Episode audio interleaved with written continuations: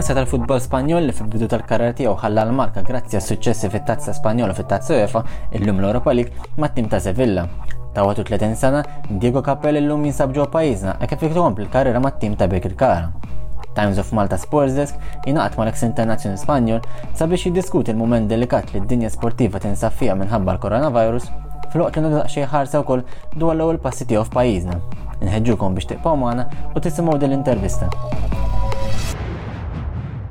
Ti volevo parlare un po' della situazione in questo momento, ma anche dei tuoi primi, prime partite con Big Cara, quindi tutto tranquillo, no? Sí, adesso una situazione un poco extraña, ¿no? Con tutto questo del coronavirus y, bueno, eh, difficile para tutto il mondo, ¿no? Con questa cosa speriamo che, che pronto tutto uh, volta alla normalità, no? Ah, infatti, eh, tu in questo momento ti trovi in Spagna a casa? No, no, sono qua in Malta, no, non Ah, potevo ok, andare ok. a, a Spagna. Tenendo in forma, stai facendo il tuo allenamento a casa? Sì, sì, sto facendo allenamento individuale, già che non possiamo allenarmi insieme con la squadra, facendo lo che, lo che, lo che posso, no? No- non è facile con questa situazione allenarsi in una maniera normale, però bueno, speriamo che pronto tutto eh, arriva alla normalità, possiamo allenarnos e, e pronto com- ricominciare di, di volta al campionato no? quando, quando tutto questo eh, problema del coronavirus finisce, no? speriamo che sia pronto. Eh, infatti, poi eh, con tutta questa situazione penso che la decisione di, di non giocare è stata la decisione migliore, no?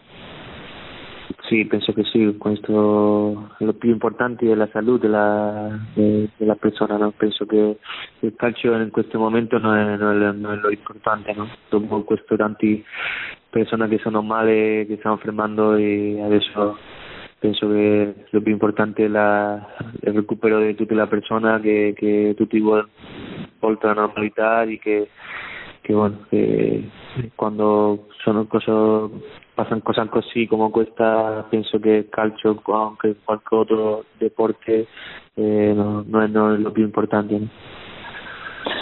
Eh, infatti volevo anche chiederti, eh, siccome la situazione in Italia anche nel tuo paese è un po', è un po' grave, magari ti fa un po' anche di effetto, ti fa un po' triste, no? Vedendo tutta quella gente malata, no?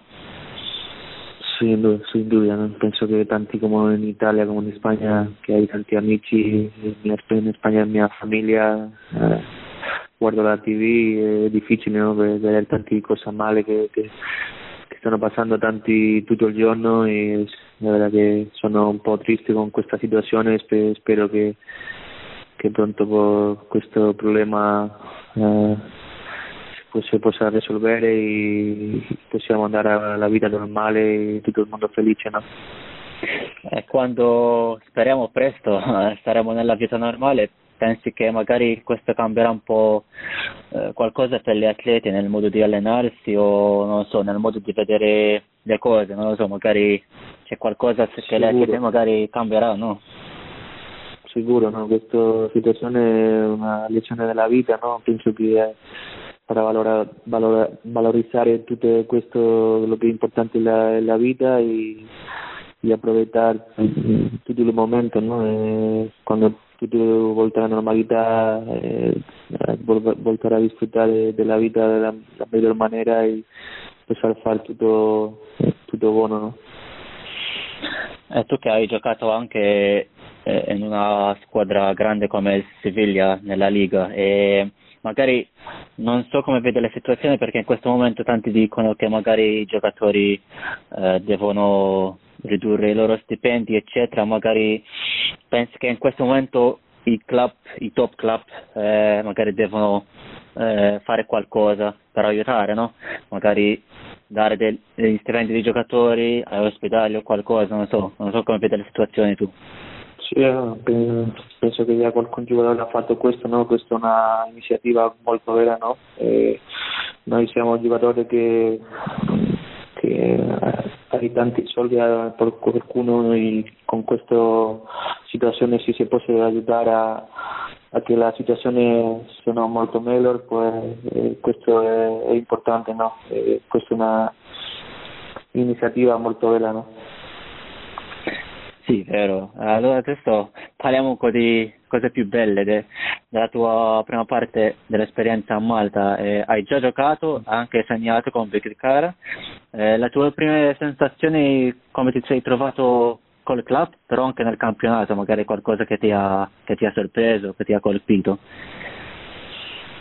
Bueno, arrivato la, eh, la prima partita mi ha fatto male la caviglia e questo non, non, non potevo fare eh, la prima partita e bueno, adesso sono molto bene, ho, potuto giocare due partite ultima eh, giocando bene e bueno, ho conseguito fare gol e bueno, eh, è vero che adesso sono eh, in un buon momento e speriamo che, come ti ho detto anche no? prima, che, che questa situazione migliori per voltare a, a giocare e farlo meglio in questa finale di campionato.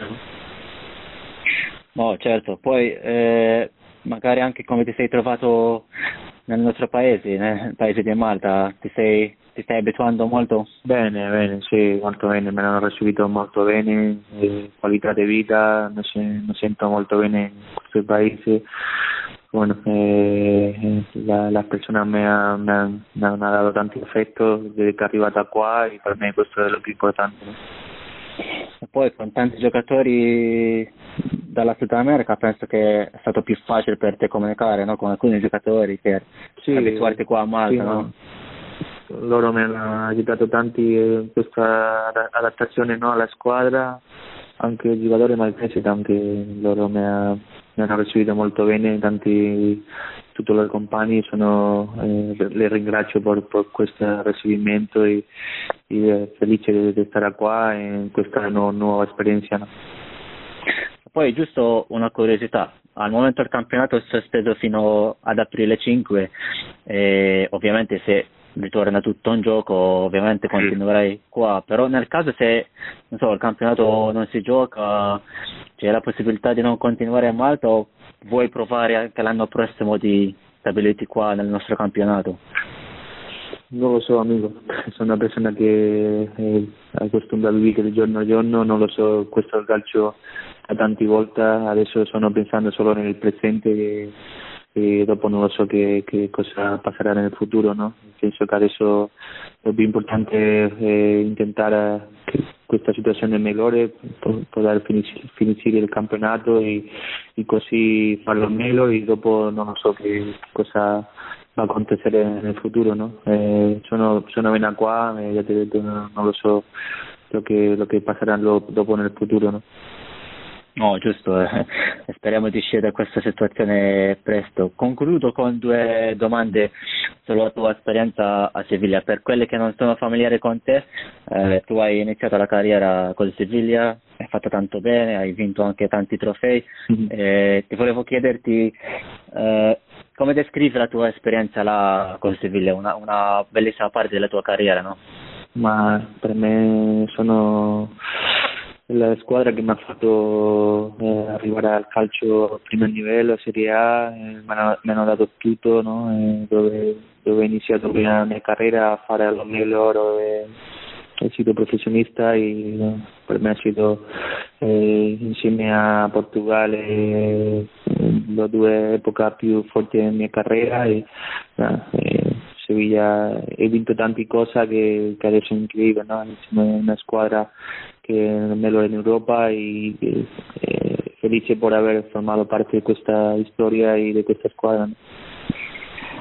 E poi ovviamente fra le squadre popolari qua a Malta ci sono il Barcellona e Real Madrid. Come è stato affrontare quei due squadre e anche segnando contro di loro, no?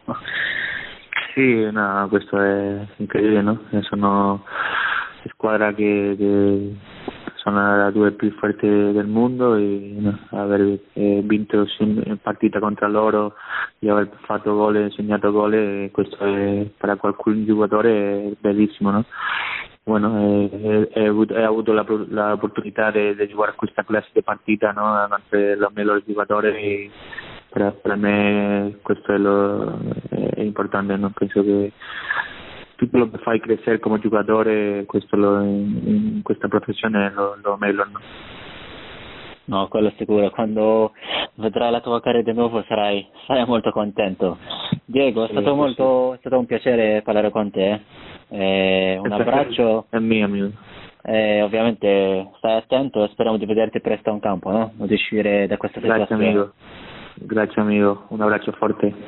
Un abbraccio a te, grazie mille Diego. Nirringrazzjaw li Diego Kappell tal-ħin tiegħu fil-waqt li nittamaw li kien diskors ta' interessanti għalikom.